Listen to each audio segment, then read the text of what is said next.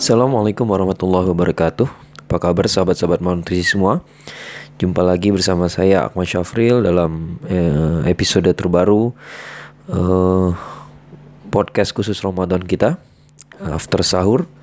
Dan gak terasa ya kita udah masuk episode ke-11 Berarti juga udah hari ke-11 eh, Berarti juga sudah masuk pada sepertiga kedua dari bulan Ramadan ya. Uh, ya seperti yang sudah saya bilang Ramadan ini kita nanti-nanti kedatangannya.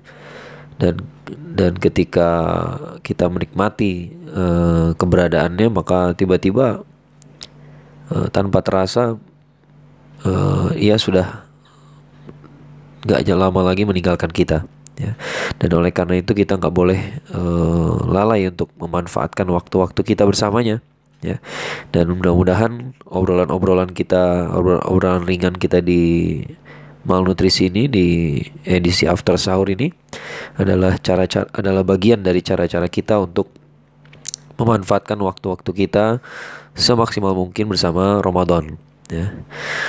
Uh, sahabat-sahabat malnutrisi semua salah satu uh, aspek dari bulan Ramadan ini adalah uh, bulan pengampunan ya bulan ketika Allah membagikan pengampunannya secara masif ya. Kita sudah mengenal hadis Rasulullah SAW misalnya mengatakan man soma ramadhana imanan wahtisaban ghufira lahu ma taqaddama min dzambi barang siapa melaksanakan saum di bulan Ramadan dengan iman dan ihtisaban maka Allah akan ampuni dosa-dosa yang uh, terdahulu dosa-dosa kita yang terdahulu. Ya bayangin dosa-dosa kita sebelum Ramadan ini dari kita masih kecil ya sampai kita uh, Ramadan tahun ini bisa dihap bisa dihapus semuanya oleh Allah ya itu menunjukkan bahwa Allah Subhanahu Wa Taala memang maha pemurah maha pengasih maha penyayang dan ya Allah nggak punya keberatan untuk mengampuni semua dosa kita Ya, itu bedanya Allah Subhanahu wa taala dengan manusia ya. Kalau manusia mungkin punya rasa keberatan nggak bisa nggak bisa seenaknya begitu aja kita minta minta maaf sama dia gitu ya. Ya, kalau kita punya salah sama orang atau orang lain punya salah sama kita, mungkin nggak semudah itu kita memaafkan orang ya. Tapi believe it or not Allah itu mudah memaafkan. Allah itu mudah mengampuni ya dan tidak ada alasan kenapa Allah tidak akan mengampuni selama kita betul-betul uh, bertaubat ya. Jadi sahur Ramadan itu kalau kita laksanakan dengan benar maka semua dosa kita bisa diampuni. Itu kan masya Allah itu luar biasa ya pengampunan yang betul-betul masif uh, apa jor-joran gitu ya. Betul-betul diskon besar-besaran ya gitu ya. Nah tapi itu kan yang maksimal banget ya. Yang maksimal banget yaitu bahwa semua dosa akan diampuni itu kan sebuah pengampunan yang sangat maksimal yang yang yang apa ya yang sempurna sekali gitu. Dan itu mencerminkan bahwa ibadah saumnya juga ibadah saum yang paripurna juga ya bukan saum yang ece-ece gitu ya bukan ibadah yang asal-asalan. Ya bukan yang sekedar sekedar selesai atau tidak batal saja gitu ya. Nah ada juga hadis-hadis yang lain. Ya misalnya uh, hadis riwayat Ibnu Hibban ya di mana Rasulullah SAW mengatakan uh, Rasulullah SAW bersabda Barang siapa mendapatkan bulan Ramadan, barang siapa ketemu sama bulan Ramadan, ya, lalu ya Ramadan itu berlalu, kemudian dosanya nggak ada yang diampuni, maka Allah telah menjauhkannya dari rahmat. Ya, Allah menjauhkan orang itu dari rahmatnya. Ya. Uh, artinya apa? Artinya kalau tadi itu uh, kalau tadi itu adalah benchmark adalah tolak ukur dari ibadah maksimal kita pengampunan maksimal yaitu bahwa ibadah saum yang paripurna bisa menghasilkan pengampunan yang paripurna juga maka yang ini standar minimal ya minimalnya apa minimalnya orang kalau ketemu bulan Ramadan lalu selama bulan Ramadan itu dia dapat kesempatan untuk beribadah tapi ternyata doanya nggak apa dosa-dosanya ada apa nggak ada yang diampuni wah itu benar-benar uh, kebangetan gitu ya kebangetan terlalu terlalu apa ajaib gitu ya. Kok bisa kok bisa bisanya ada orang yang seperti itu gitu ya uh,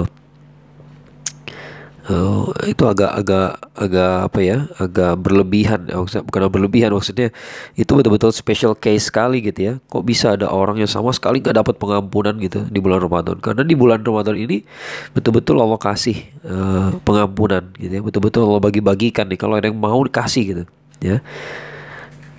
Ada juga hadis-hadis yang lain misalnya hadis riwayat Muslim di mana Rasulullah SAW pernah mengatakan uh, sholat lima waktu ya dari sholat ke sholat kemudian dari Jumat ke Jumat, dari Ramadan ke Ramadan berikutnya bisa menghapus dosa-dosa di antara keduanya selama dosa-dosa besar dijauhi. Ya, jadi dosa-dosa kecil itu bisa dihapus ya dari di antara Ramadan ke Ramadan. Ya, jadi ini sekali lagi menegaskan bahwa uh, Ramadan itu betul-betul bulan pengampunan. Ya, kalau kalau kita mau maka kita bisa diampuni. Ya. Nah, uh, sahabat-sahabat semua, uh, ini kadang-kadang kita yang yang masih harus selalu kita ingat-ingat kembali bahwa dalam urusan taubat itu pertanyaannya nggak pernah apakah Allah bisa mengampuni kita apa enggak ya? Apakah Allah bisa menerima taubat kita apa enggak itu nggak pernah jadi pertanyaan ya. Pertanyaan sesungguhnya adalah seberapa pengen sih kita dapat pengampunan? Ya seberapa seberapa kuat sih taubat kita ya. Pertanyaan itu aja. Ya karena kalau kita betul-betul ingin mendapatkan pengampunan maka bisa insya Allah ya bisa. Allah itu bukan zat yang punya kepentingan sama kita. Ya artinya apa pun yang kita lakukan kita ini nggak pernah bikin Allah terugi ya kemaksiatan kita pun nggak bikin Allah rugi. Ya jadi kita nih dihukum karena kita melanggar adab kita kepada Allah bukan karena kita bikin rugi Allah jadi kalau kita nggak sholat Allah nggak rugi ya. Allah nggak rugi tapi kita nggak beradab sama Allah gitu. kenapa nggak beradab? Ya dikasih waktu 24 jam sehari disuruh sholat lima kali sehari lima kali eh, lima dikali 10 menit lah katakan gitu ya. Totalnya 50 menit. Dikasih 24 jam sehari diminta 50 menit nggak dikasih. Kan keterlaluan banget gitu ya. Memang manusia yang nggak sholat itu keterlaluan gitu ya dikasih harta uh, dikasih harta 100% dari berapa gitu ya? 10 juta 100 persennya gitu ya. Kemudian yang diminta cuma dua setengah persen. Gak dikasih juga. Wah emang keterlaluan banget sih gitu. Ya emang kebangetan ya. Disuruh nyembelih kurban dan itu pun hanya bagi yang mampu tapi gak dikerjain. Ya kebangetan. Ya dan Allah nggak nyuruh nggak nyuruh berkurban bagi yang nggak mampu ya kalau yang nggak mampu ya mungkin dia menerima hewan kurban menerima daging kurbannya bukan dia yang memotong daging kurbannya ya. Jadi permintaan apa yang yang Allah minta dari dari manusia ini nggak banyak banyak gitu ya, nggak banyak banyak sebagian kecil saja. Dan itu pun dari dari yang Allah kasih gitu ya. Allah memberikan sesuatu lalu kita ngasih sesuatu ya. Ngasihnya juga bukan ke Allah ya. Kalau kita sholat yang yang untung bukan Allah yang untung adalah kita sekarang kita tahu kalau sholat itu bikin kita sehat ya. Ada sekarang bahkan ada senam dari gerakan sholat. Artinya umat, umat manusia itu sudah sadar gitu bahwa uh, ketika kita sholat maka kita yang untung. Apalagi saum. Saum udah pada tahu semua ya bahwa kita ini saum malah tambah sehat bukan tambah lemah. Ya, semua yang kita kerjain yang untung kita sendiri ya. Nah demikian juga taubat. Taubat ini kalau kita taubat Allah nggak untung kalau kita maksiat Allah nggak rugi ya. Ya karena kita nggak bisa merugikan Allah kita nggak pernah bikin Allah rugi maka ketika kita ingin taubat ya Allah ringan juga mengampuni gitu ya. Asal kita benar-benar bertobat ya. Nah jadi sekali lagi sekali lagi saya tegaskan bahwa uh, pertanyaan soal taubat itu bukan masalah apakah Allah bisa nerima taubat kita apa enggak pertanyaan sesungguhnya itu adalah seberapa kuat how bad do you want it ya se se se apa se seberapa besar sih hasrat kita untuk diampuni Ya, kalau kita betul-betul pengen diampuni maka insya Allah bisa. Ya. Nah, uh, salah satu tanda bahwa kita ini pengen diampuni adalah ya kita minta. Ya, kadang-kadang kita ini eh, nggak uh, minta sama Allah, ya kita nggak pernah minta sesuatu pada Allah secara secara langsung gitu ya. Kita nggak ucapkan permintaan kita. Ya kita cuma kepengen aja gitu. Ya kepengen sama minta itu kan beda ya. Ya kadang-kadang kita cuma punya keinginan, tapi nggak kita ucapkan. Ya Tahu-tahu ketika kita nggak dapat keinginannya, kita bertanya sama Allah, ya Allah saya saya salah apa? Kok saya nggak dikasih? Oh, uh, Anda bertanya kenapa Anda nggak dikasih padahal Anda nggak pernah minta ya itu kan uh, aneh gitu ya ya anehnya manusia begitu ya. Itu kelihatan lah dari bahasa manusia. Kalau lagu-lagu cengeng zaman dulu tuh ya. Lagu-lagu cengeng zaman dulu ketika cerita tentang uh, kasih tak sampai itu ya. Pasti kalau ada apa nggak jauh-jauh kalimatnya ada mungkin ini suratan takdir. Nah begitu gagal dibilang suratan takdir begitu berhasil nggak diakui sebagai takdir. Padahal semuanya takdir Allah juga ya. Semuanya takdir Allah. Selama ini dia dia kasih dikasih kenikmatan itu takdir Allah juga. Giliran ada ujian sedikit, ada masalah sedikit, ada ada musibah sedikit, baru ngaku. Nah ini coba ini cobaan, ini uh, apa suratan takdir, ya itu kan nggak fair. Seolah-olah Allah ini ngasih ngasih takdir itu nggak ada yang enak gitu, nggak ada yang bagus gitu. Padahal selama ini Allah ngasih takdir yang bagus-bagus terus. Kita aja nggak pernah bersyukur, ya. Nah dalam dalam hal ini saya ingin mengatakan bahwa jangan sampai kita ini nggak dapat pengampunan hanya karena kita nggak pernah minta ya. Nah oleh karena itu mintalah. Minta betul-betul ya. Minta betul-betul dan ya, lebih bagus lagi kalau mintanya tuh spesifik gitu ya. Dalam arti bukan hanya pengampunan yang secara secara general saja ya, ya misalnya kita membaca Sayyidul Istighfar gitu ya Allahumma anta rabbi la ilaha illa anta khalaqtani wa ana abduka wa ana alahdika wa wa'adika mastata ya.